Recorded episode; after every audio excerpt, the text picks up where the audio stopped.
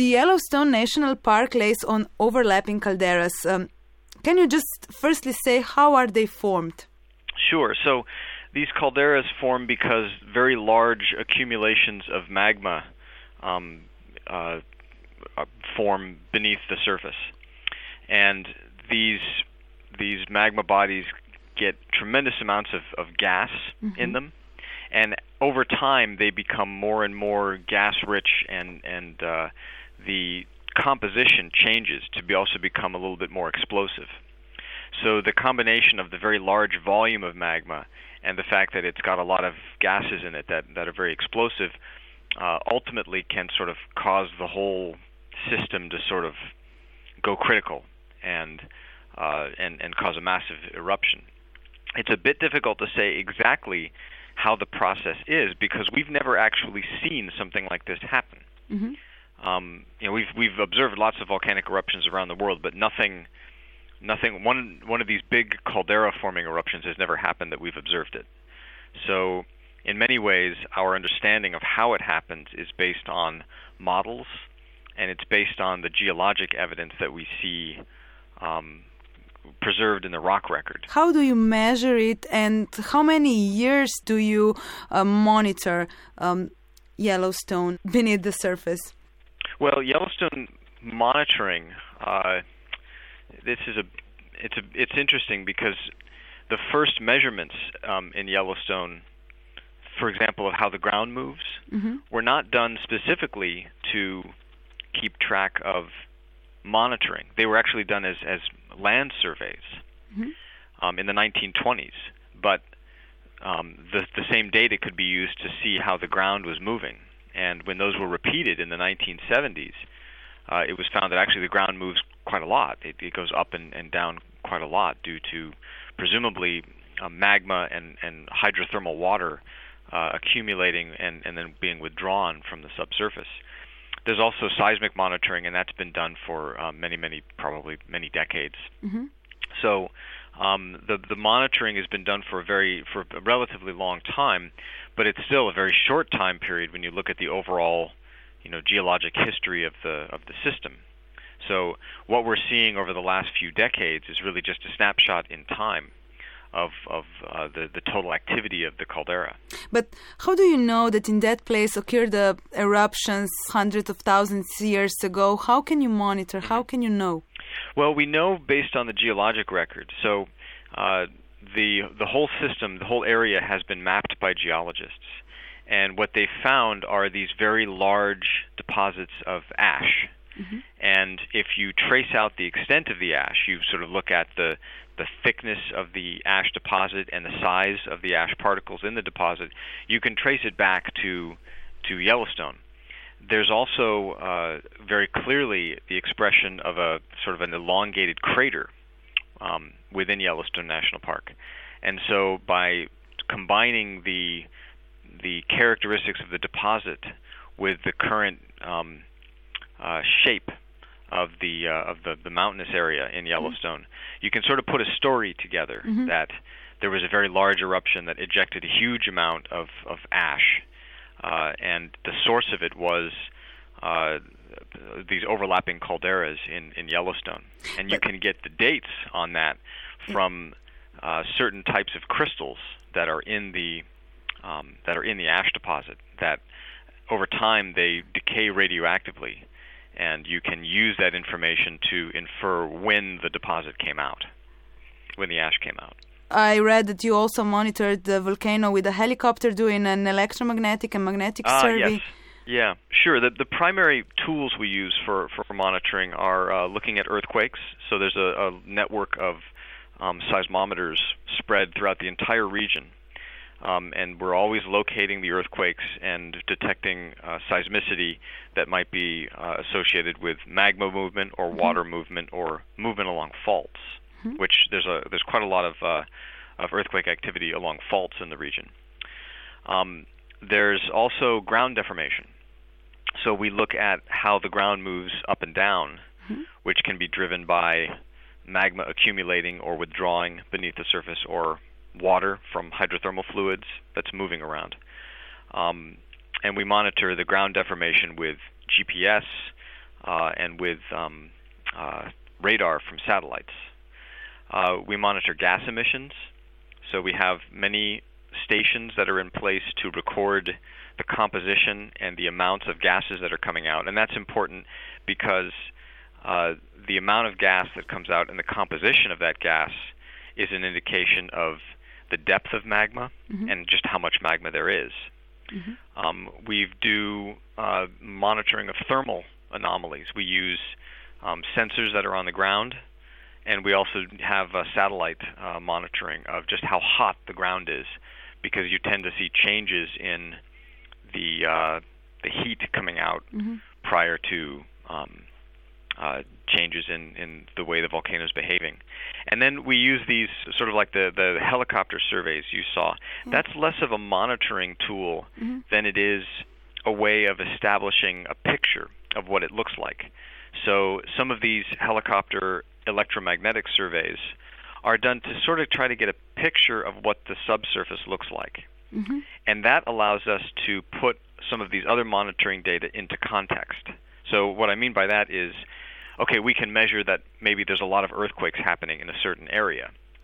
But that doesn't tell us what's in that area. You know, if there's a bunch of earthquakes happening, say at, you know, 10 kilometers beneath beneath a, a certain place, we know there's earthquakes, but we don't know the mm-hmm. characteristics of the of the place the earthquakes are happening.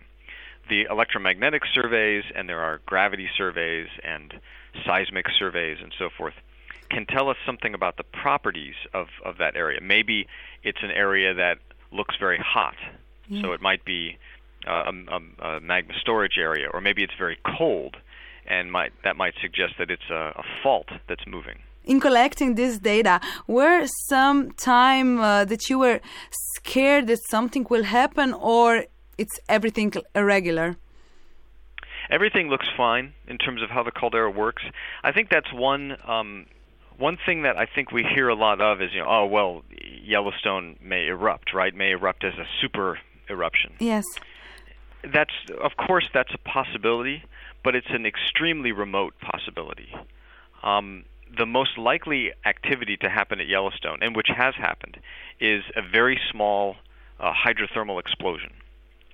Um, and that would only affect a, a, a relatively small area uh, of the park. They they have happened in the past. They have the potential to hurt tourists that are too close, or anyone to mm-hmm. people that are too close. Um, the last time Yellowstone erupted was 60 or 70 thousand years ago, when magma actually got to the surface. Mm-hmm.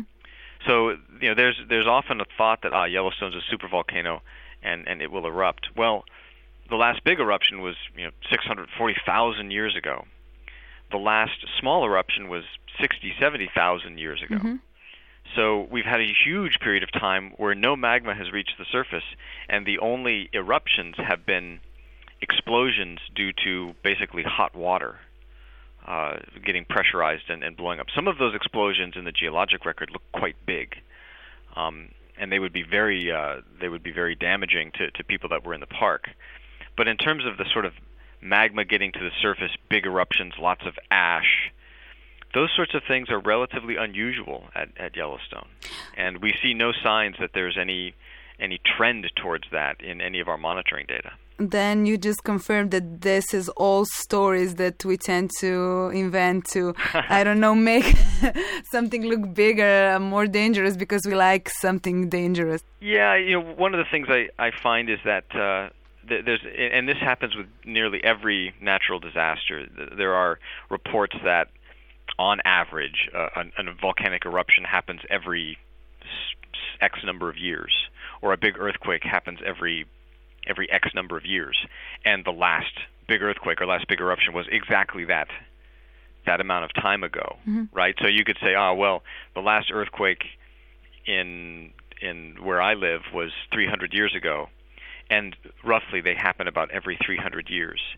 So we're due. You know, it, it, it's funny because that's the idea that we're due, I think, is is a bit, you know, the, the Earth doesn't work that way. The Earth doesn't work like on a clock, where ah, okay, well, I've had an earthquake 300 years ago, and I have an earthquake every 300 years, so it's time. It's it the the the things that go into having earthquakes and volcanic eruptions are massively complex, and they vary over time. So the the idea that we might be due for something is a bit silly. it's something that we obviously need to keep track of, Mm-hmm. and and as a first order thing, knowing that this sorts of process happens on does it happen on hundreds of year timescales, thousands of years, tens of thousands of years timescales, that's important, so that we begin to understand how these systems operate. But there's no clock that the Earth is punching and saying, okay, well, it's you know, it's been 600,000 years, so now it's time for another super eruption. What we what we need to see are the signs that's that the conditions are in place for such an eruption to occur, and that would be a very large volume of magma in the subsurface that has the capabilities to erupt. And we just don't see that at Yellowstone right now. It, it seems very unlikely that we mm-hmm. would be surprised, like you would wake up one morning and suddenly a super eruption would be happening or mm-hmm. imminent, because the amount of magma that has to get to the surface uh, is immense. So, first off, we have to have some indication that that much magma exists beneath the surface. Um, and we just don't see the volume of eruptible magma uh, in, in, in the surveys that we've done. There would also be incredible amounts of seismicity, incredible amounts of ground deformation, gas emissions, and so forth. And we're keeping track of all of those things. So the idea that a, a, a super eruption would sneak up on us is a bit unlikely. Okay, great. Um, can you say just right now, uh, on this day, what exactly is going on beneath the surface? Sure. Um, so right now, actually, for the last couple of years, the earthquake activity has been very low. Um, in fact, it's been below average, as we understand the average to be over the last few decades. Um, seismicity is is reduced. Um, there's also a little bit of ground deformation going on, but this is very common at Yellowstone. Um, Yellowstone is is always doing something, and so the idea, the fact that there is is some uh, uplift occurring is not unusual. So there's a small amount of uplift that's going on at Yellowstone right now, and that reflects some accumulation of either magma or hydrothermal fluids uh, beneath the surface. Um, but this is the sort of thing that's very common. So nothing out of the ordinary is happening now, and in fact, overall, it seems like the activity is a little bit lower than we're used to because the seismicity is is reduced.